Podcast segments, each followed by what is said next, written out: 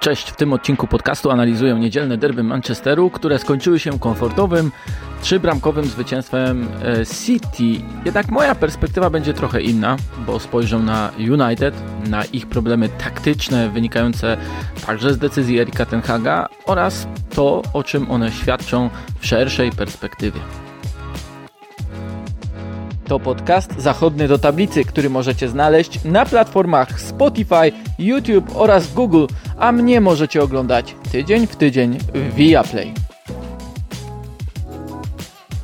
Trudno czasem zgadnąć, co dzieje się w głowie Pepa Guardioli, jakie procesy doprowadzają do takich pomysłów jak John Stones w środku pomocy. Czasem może nie warto się w to zagłębiać, bardziej doceniać, ale jednego jestem akurat pewien. Gdy Hiszpan zobaczył skład obrony United na derby Manchesteru, to dostał gotowy plan na rozegranie tego meczu i po prostu musiał się uśmiechnąć.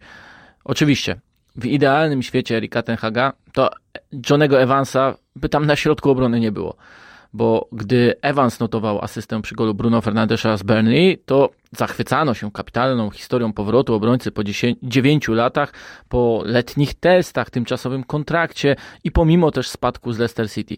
To wszystko prawda, ale okoliczności wcale nie były pozytywne. Sam mecz z Burnley pokazał wiele niedoskonałości Manchesteru United, a transfer Evansa to było łatanie poważnej dziury, zapewnianie sobie bardziej zasłony, może taki gwarant bardziej charakteru niż klasy piłkarskiej, a może po prostu ktoś chciał znów oszukać rzeczywistość.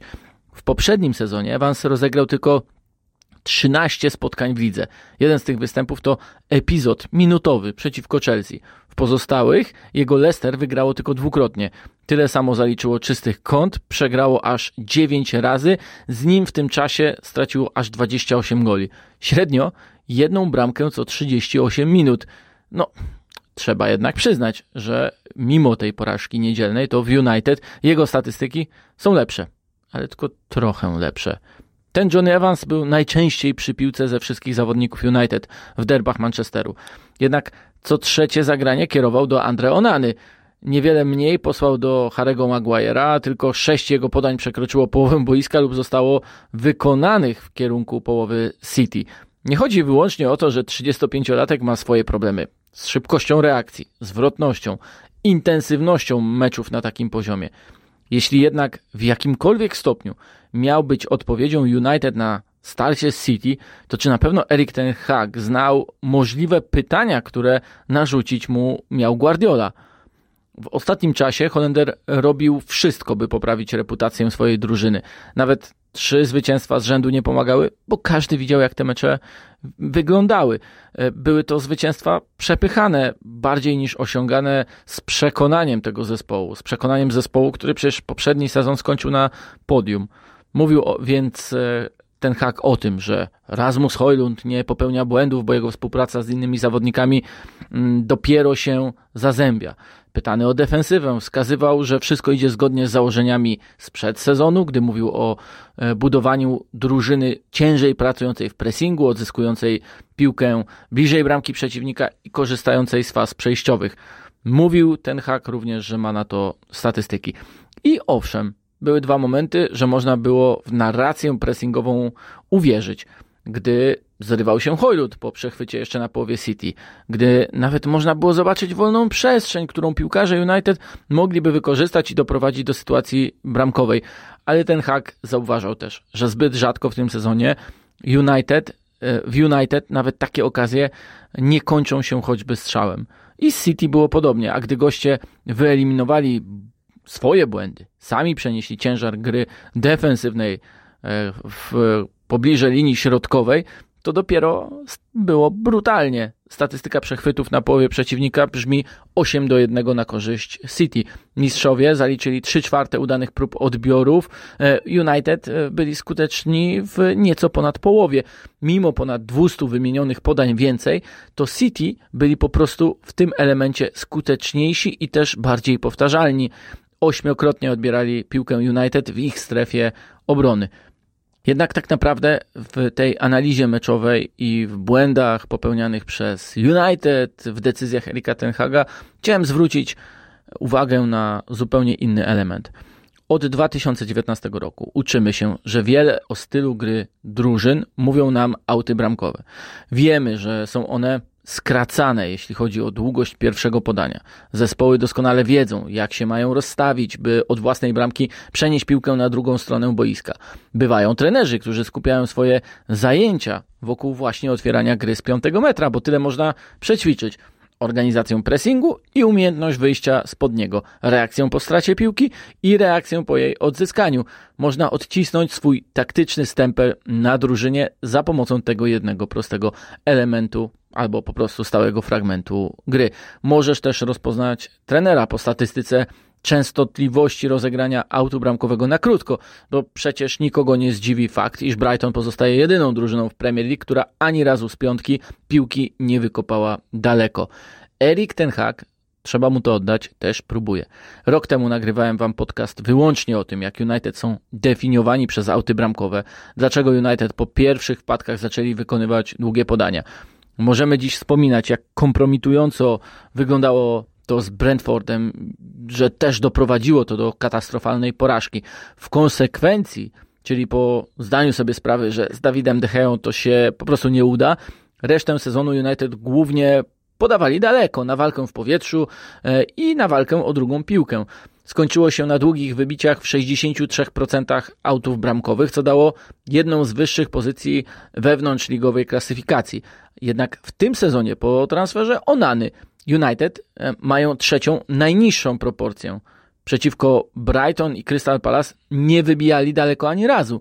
Jednak nie można powiedzieć, by to był element, w którym są powtarzalni i skuteczni. Nawet powiem szczerze, nie widać pewności siebie i wystarczającej organizacji. A przecież u Ten Haga też się od autu bramkowego zaczynało. Nawet on wiedział, że gdy Guardiola spojrzy na skład United, to po prostu wybierze taki pressing, jakiego jeszcze w tym sezonie City nie zaprezentowało pod względem intensywności, wysokości.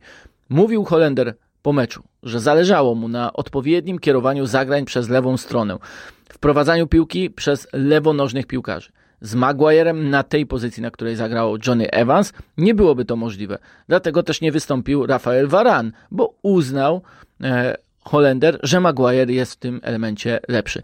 Więc obok Anglika, którego właśnie ten hak wskazał jako lepszego w rozegraniu, ustawił Evansa, a jeszcze bliżej lewej strony e, Wiktora Lindelofa. Inaczej, jak stwierdził, United tylko kopaliby piłkę daleko. No i jak widać, ten plan niestety się nie ziścił. Onana wykonał i tak 16 długich podań. Pierwsze już w 30 sekundzie, gdy nie wybrał rozwiązania sugerowanego przez Holendra, by wykorzystać schowanego do środka Evansa, który tym samym angażował uwagę Juliana Alvareza i otwierał linię podania od bramkarza do Lindelofa. Udało się w drugim podejściu, kilkadziesiąt sekund później, gdy otworzyła się ta przestrzeń, e, także dla Lindelofa w zagraniu do McTominaya w środek pola, który mógł podać do Hojlunda i United stosunkowo łatwo, to trzeba oddać, podeszli pod pole karne City. Zakończyło się dośrodkowaniem od Dalota na Lindelofa, czyli w akcji wzięło udział dwóch bocznych obrońców w samej jej końcowej fazie. Po chwili ze złego otwarcia City i błędu Guardiola swój strzał oddał Hojlund. No i tak rosła nadzieja.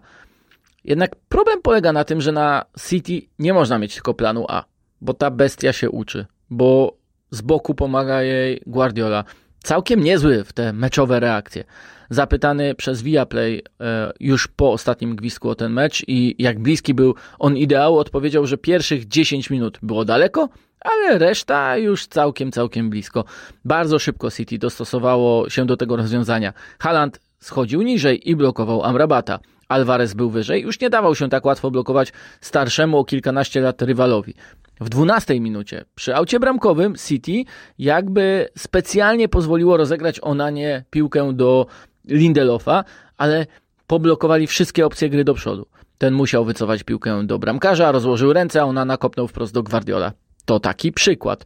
Domek z kart misternie ustawiany przez Tenhaga już w tym momencie chwiał się i to chwiał się na całego. E, Alvarez zamiast szarżować do pressingu zaczął po prostu mądrze blokować Onanie inne opcje i zmuszać go do kopania. 17 minuta. Z takiego właśnie rozegrania bierze się faul Amrabata na Halandzie, bo to City zebrało pierwszą i drugą piłkę. To był ten moment, w którym każde wyjście z własnej połowy było dla United małym sukcesem, bo Foden też zaczął mocniej presować Lindelofa, piłka wracała do Onany i ten wybijał. Wiem, że się powtarzam, no ale po prostu tak wyglądała pierwsza połowa. Znów 21 minuta. Taki wykop zbierają goście. Amrabat kolejny raz fauluje, tym razem Fodena, a po rzucie wolnym był rzut karny i pierwszy gol Halanda. Niech to będzie wyznacznik obecnej pozycji United. Ambicje mają ogromne. Chcą i rywalizują na wydawane kwoty City. Grali z nimi w finale Pucharu Anglii. Pokonali ich rok temu na Old Trafford. Chcą też rozwijać się taktycznie, narzucać swój styl, swoje rozwiązania, nawet takiej ekipie jak ta Guardioli. Ale to się może udać na 10 minut, na parę zrywów i momenty, o których potem tylko najbardziej optymistycznie nastawieni kibice potrafią sobie gdybać, że co by było. Realiści spojrzą na pozostałych 80 minut derbów, w których nie było rywalizacji. Na pewno nie na poziomie taktycznym, nie na poziomie inteligencji czy jakości gry. To oczywiście częściowo wina kontuzji. Nie ma Martineza, więc odważnie, odważne wprowadzanie piłki wyżej po prostu kuleje. Co więcej, średnia odległość wykonania pierwszego podania z autu bramkowego przez United nie przekroczyła 8 metrów. Oni próbowali, ale średni progres z tego stałego fragmentu nie sięgał 35 metrów. City częściej wznawiało za to długim zagraniem i też dochodziło przez to e, wyżej. Ten mecz potwierdził, że ten hak jest ambitnym trenerem. Chce od United więcej, widzi w tej drużynie więcej niż każdy, kto obejrzał którykolwiek mecz tego sezonu. No nic dziwnego, ma też ich na co dzień do dyspozycji i za ten projekt odpowiada. Sprowadzał zawodników pod swój pomysł, zawodników, których doskonale znał. Ale na jeden krok do przodu przypadają dwa, trzy do tyłu. Zmienił bramkarza, by grać krótko? To czemu to robi? Wiedząc, jak może się skończyć gra Onany z Maguirem i Evansem. Czy nie mógł wybrać podobnie jak przed rokiem, gdy po wstydliwych wpadkach z Brighton i Brentford na przyjazd Liverpoolu podjął decyzję, by żadnych kombinacji nie było, a De Gea wówczas kopał 16 autów bramkowych daleko. Każdy aut bramkowy daleko, a ta średnia odległość jego wykopu była niemal najwyższa w całym sezonie. Te derby to czuje się jakby kilka kroków zostało przez United wykonanych właśnie wstecz. Nie tylko dlatego, że na nowo e, Erik Ten Hag będzie musiał budować pewność e, siebie piłkarzy, jak i połączenia choćby w, tak krót, w tym krótkim rozegraniu mm, e, piłki, ale też widać było, że Holender po prostu odsłonił swoje rozwiązania. Kombinacji jest oczywiście mnóstwo, ale taktycznie został rozczytany. Guardiola otworzył tę książkę przed każdym trenerem pierwsza, albo inaczej, następna weryfikacja już w środę, gdy na Old Trafford przyjedzie Newcastle. Też chętnie skacząca do pressingu ekipa i raczej nie dająca swobody, luzu przeciwnikowi. Raz w tym sezonie dali. I to City. I ten mecz przegrali wyraźniej niż wskazywał na to e, wynik. 1 do 0 dla e, mistrzów Anglii. Może dla Ten Haga nie ma innej opcji niż ta nauka przez upór, przez błąd, przez bolesne porażki. Jednak ze względu na pracę nad elementami, tak wciąż podstawowymi, można odnieść wrażenie, że całkowicie rozmazuje się ta wizja skończonej drużyny. Czy naprawdę mają być zespołem faz przejściowych, skoro sami nie radzą sobie z tymi fazami po stracie piłki, albo nie potrafią wyskoczyć do pressingu, bo otwierają się ogromne przestrzenie i kończy się taką akcją jak ta na 2 do 0 dla City? Przed meczem, przygotowując się do komentarza, znalazłem ciekawą interpretację najprostszej statystyki posiadania piłki. Otóż United przez połowę czasu tego sezonu biegali za akcjami rywala. Częściej można powiedzieć, że się przeciwnikom przyglądali. Czy tak gra drużyna, która jest nastawiona na pressing? Bo takie można było też odnieść wrażenie po bramkach zdobywanych przez rywali w niedzielę, że oni po prostu się przyglądają a wcześniej przyglądali się jak grało Brighton, jak grał Arsenal, jak grał Tottenham, nawet Wolverhampton. Nawiasem mówiąc, to ten drugi gol dla City przecież też zaczął się od własnego autu bramkowego United. Tym razem Onana, ustawioną w diamencie drugą linię City, minął podaniem na prawo do Dalota, który po zgraniu z Fernandeszem e, ruszył na przebój, ale Gwardiol był szybszy od prawego obrońcy. Zresztą w ogóle niepotrzebnie Portugalczyk wybierał tak szybko zagranie na wolne pole. Znów zabrakło chłodnej głowy, koncentracji, może po prostu cierpliwości, albo połączeń, może za bardzo chciał mechanicznie rozwiązać tę sytuację, z automatu wybrał e, biegnącego na obieg Dalota. Chorwat e, z kolei zagrał do Edersona, ten dłuższym podaniem nad pierwszą linią e, niemrawego pressingu odnalazł Foudena, a 10 sekund później City już byli nie do zatrzymania.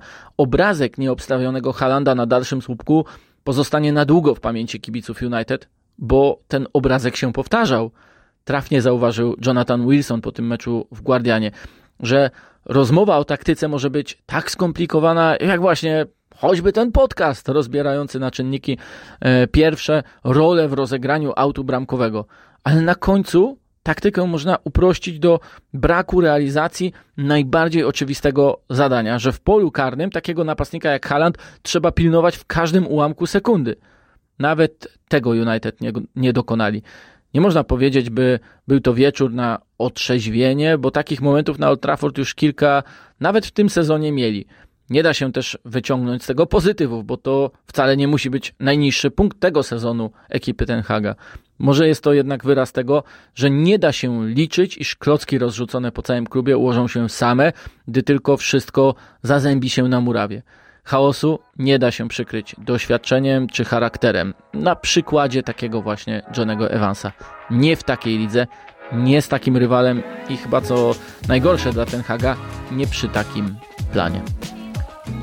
Dzięki za odsłuchanie tego odcinka podcastu. Zachęcam Was do subskrypcji na wszystkich moich platformach od Spotify przez Apple do YouTube'a, także na Facebooku. Zostawiajcie recenzje, komentarze, polubienia, podawajcie odcinki dalej. Dzięki i do usłyszenia.